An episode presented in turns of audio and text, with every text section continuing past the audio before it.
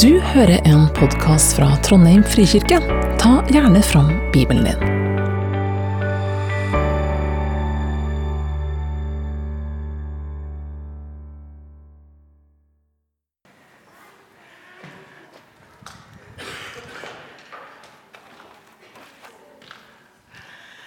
Da vet du, er jeg klar til å snakke litt med dere. Hvis dere tenker på deres beste venn, hvordan ble dere kjent med den? For noen ganger kan det gå ganske raskt, og andre ganger kan det gå ganske gradvis. Jeg har ei bestevenn Nei, det var litt drøyt å si. Jeg har ei venninne fra bibelskolen. Og hun tror jeg egentlig jeg var kjent med fra første dagen. Og den dagen i dag så er jeg bare godt kjent med henne òg. Skal vi bytte nå? Flott. Og så har jeg ei anna venninne. Og Hun syns jeg var litt sånn snodig, annerledes, ja, egentlig litt rar også. Det første gangen jeg har møtt henne. Og så har hun sakte, men sikkert blitt en av de aller, aller beste vennene mine. Så noen ganger så går det raskt, og andre ganger så tar det litt tid.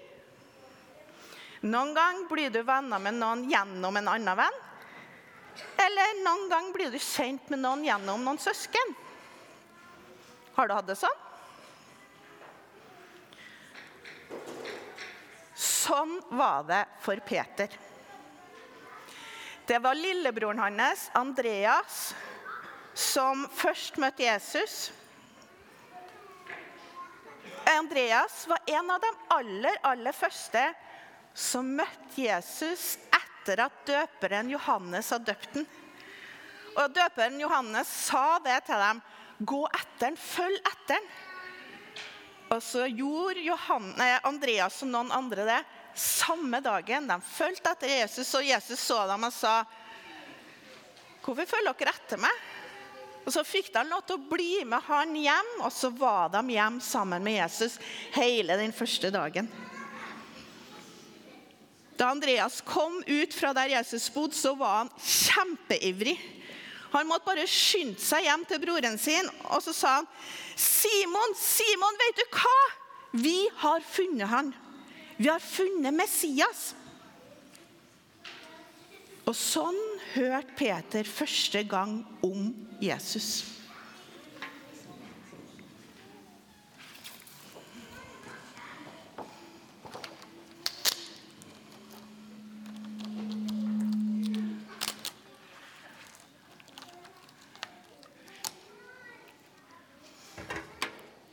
Hvordan hørte du første gang om Jesus? Jeg tror jeg hørte første gang om Jesus gjennom foreldrene mine. Men jeg kan ikke huske at de noen gang sa til meg 'La meg fortelle deg om Jesus', eller 'Vet du hvem Jesus er?' Eller 'Vil du begynne å tro på Jesus?' Men i ettertid så har jeg tenkt Selv om de ikke brukte akkurat de ordene, så var det jo det de gjorde.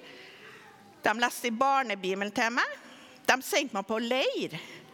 Eller de dro med meg på gudstjeneste og søndagene og på basar. Og jeg husker en gang så var det så fryktelig kjedelig at jeg lærte meg å plystre i løpet av den basaren. Men de dro med meg på gudstjeneste. Jeg ser verdien av det nå.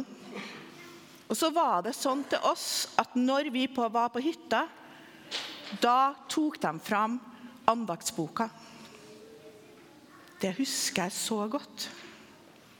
Og så sang de godnattsanger til meg. Og Gjennom alt det de gjorde, så fikk jeg jo høre om Jesus. Så ble jeg kjent med Jesus.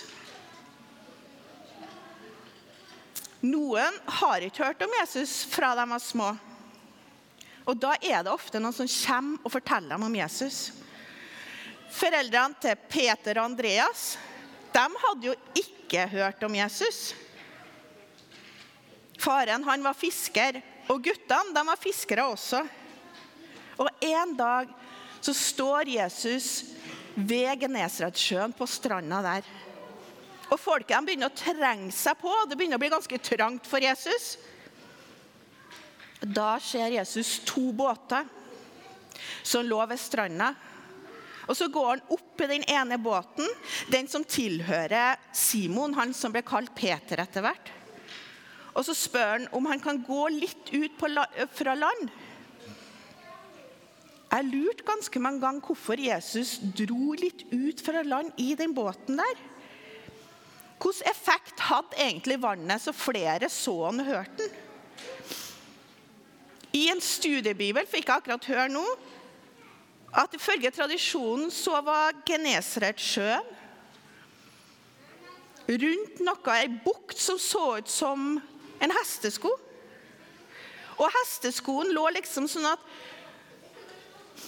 stranda var nesten som en sånn amfi. Og der kunne Jesus nå hele 91 meter, står det i den bibelen. Har de klart 91 meter. Så når han var ute der i båten, så kunne han nå så langt fordi den stranda var forma som den var forma. På den måten kunne utrolig mange høre når Jesus snakka. Der når Jesus er i båten, setter han seg ned, og så begynner han å fortelle Guds ord. Så vet mange av dere hva som skjer etterpå. For da ber Jesus Peter og Andreas ro litt videre utover, og så kaste garnet. Og så er Peter ganske sånn her Hallo, det her er ikke noe vits. Vi har fiska hele natta. Men da skjer det. Det bildet her er fra en serie som heter 'Chosen', som vi bruker nå i talene våre i Frikirka. Denne scenen er en av de vakreste scenene i 'Chosen' for meg. Fordi Peter han er bare sånn her Det her går jo ikke. Hvem tror han han er? Og så kommer det drøssvis med fisk. Og på Chosen så ser du bare Jesus lure litt og smile litt over at Peter han skjønte ikke greiene. Og så kommer Johan, eh, eh, Jakob og broren hans Johannes og faren deres spurtende bort og hjelper dem å få opp all fisken. Og Andreas sier, 'I told you, I told you'. Jeg sa det jo til deg, jeg sa det jo til deg. Han er jo Messias. Da tvilte ikke Peter lenge på at Jesus var Messias. Og når Jesus spurte de her fire guttene, så ble de alle sammen med Jesus.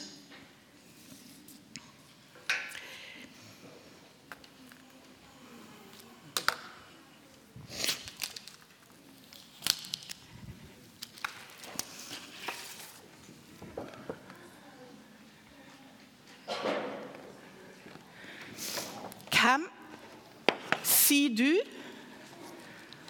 at Jesus er?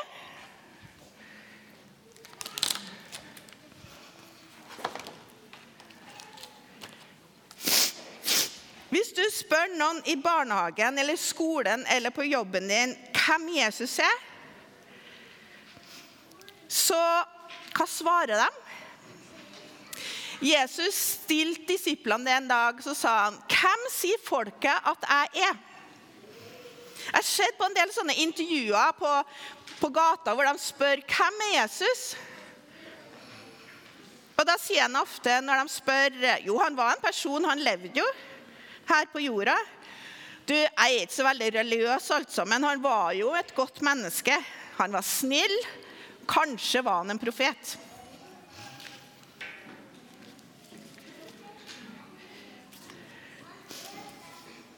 Disiplene også ga ulike svar når de hørte snyter meg litt.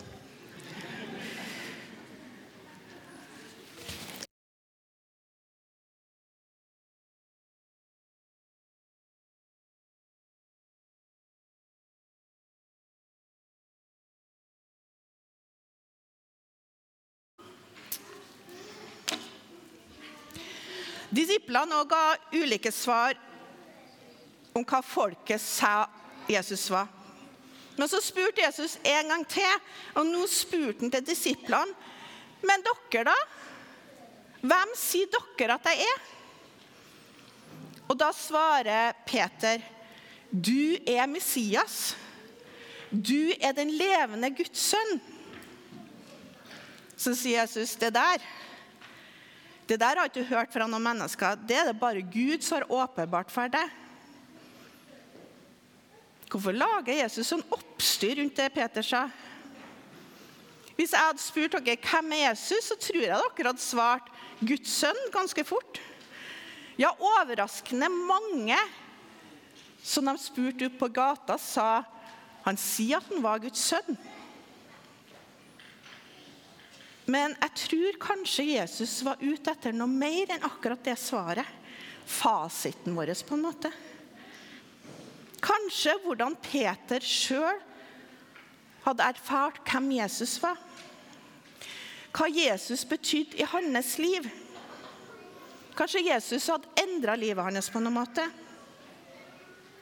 Erfaringer som Peter hadde gjort seg med Jesus. Mine erfaringer med Jesus gjør at jeg kjenner han bedre. At jeg er tryggere på at han er Guds sønn. At han har frelst meg. En sånn erfaring er kanskje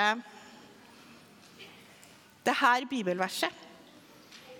Filipperne 4, 6. Vær ikke bekymret for noe, men la i alle ting bønnene deres komme fram for Gud. Det bibelverset her leste jeg når jeg var sånn rundt 20 år. Jeg hadde jo lest det mange ganger før, men da var det som om det gikk opp for meg, som jeg skjønte hva det sto der, at jeg kunne gi over bekymringene mine til Gud. At han går sammen med meg når jeg har det vondt og vanskelig, og så vil han bære meg. Det bibelverset der er favorittbibelverset mitt. Det er noe jeg går tilbake til, og kanskje har dere et sånt bibelvers også.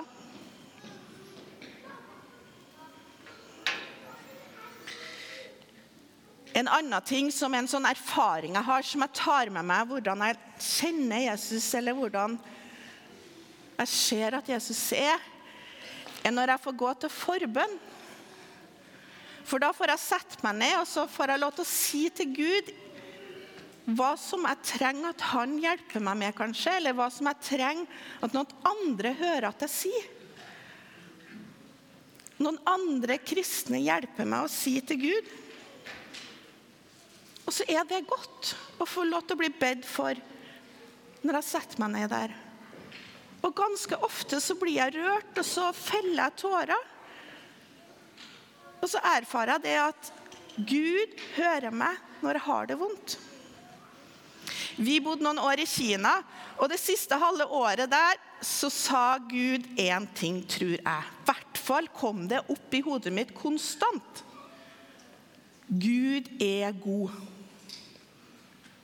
Gud er god, uavhengig om jeg har det godt eller jeg har det vondt. Uavhengig om jeg føler at Gud er der eller ikke så er Gud god. Gud kan ikke være noe annet. Det er sannheten om Gud. Han er god. Sånne ulike erfaringer som vi har, om det er bibelvers, om det er noen som sier noe til, til oss, om noen ber for oss, så er det trosstyrkende. Lise har sagt det, og jeg kommer alltid til å huske på det, la oss låne troa til hverandre. da. Hvis det hjelper oss å tro at noen andre har fått bønnesvar fra Gud, eller noen andre opplever at dette bibelverset var godt for meg, så lån troa deres, da. For det kan hjelpe meg å tro. Dere prata godt i starten når det var den sangen og den videoen her. Men de sa noe som jeg syns var veldig godt. Hvem er du, Jesus? Jeg vil se. Er du her? Hører du når jeg ber? Jeg tror på deg. Jeg velger å tro på deg. Det er ikke sikkert at du har noen spesielle hendelser. Kanskje du har alltid trodd på Jesus og fortsatt gjør det. Og det er helt OK. Da har du jo valgt å gå sammen med Jesus.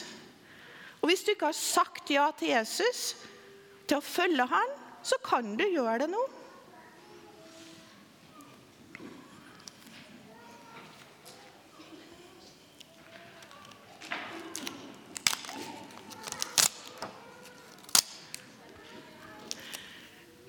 Siste spørsmålet mitt. Hvordan er du i forholdet ditt til Jesus?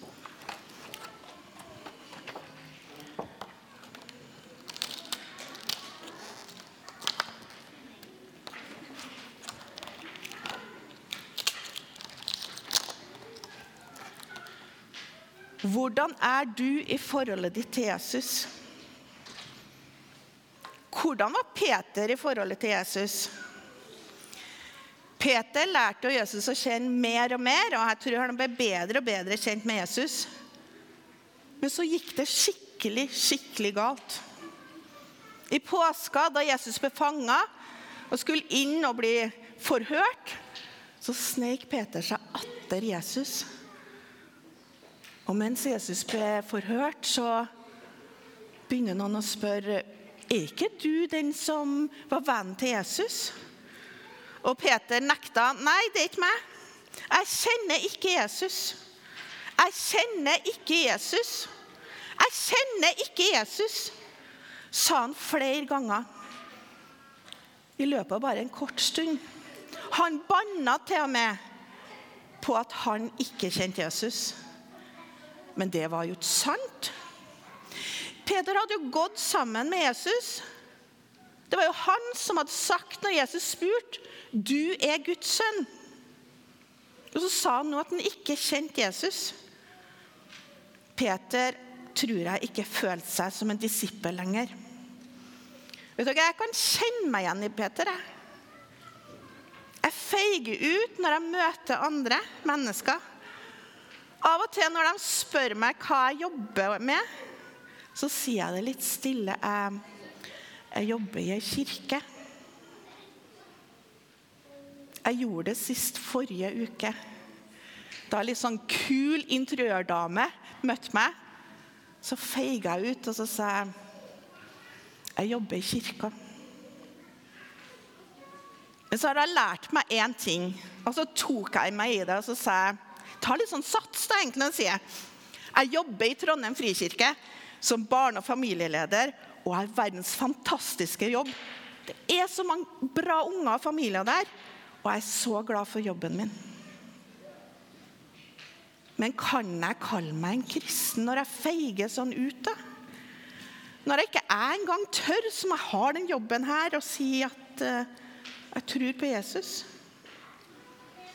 Var Peter disippelen til Jesus når han feiga ut? Jesus sier i sitt ord Kom til meg, alle dere som har tungt å bære, og jeg skal gi dere hvile. Det gjelder alle. Det gjelder meg, det gjelder Peter, og det gjelder dere. Og du skal ikke tro at du har ødelagt noe. Peter trodde at han hadde ødelagt noe. Han trodde at han ikke kunne være disippel. Men Guds nåde er ufattelig stor. Hans tilgivelse rommer mye mer enn vi kan forstå. Den rommer sånn at Peter, sånn at jeg, sånn at alle dere som sitter her, kan få lov til å komme til han, kan få lov til å tro på han. Og er det én ting jeg har forstått i de alle årene mine som jeg har levd, så er det det at om jeg er kjempeglad, om jeg er deprimert og lei meg, så er Gud den samme. Gud er god. Gud vil være sammen med oss. Gud har enormt stor nåde for alle av oss. Så jeg vil holde fast på den sannheten, den trossannheten. At vi alltid kan komme til Gud. Kom til meg, alle dere som strever av tungt å bære, og jeg vil gi dere hvile. Vi skal avslutte nå med ei bønn som jeg har lært meg, som jeg syns er veldig fin. Og Da skal dere få lov til å reise dere opp.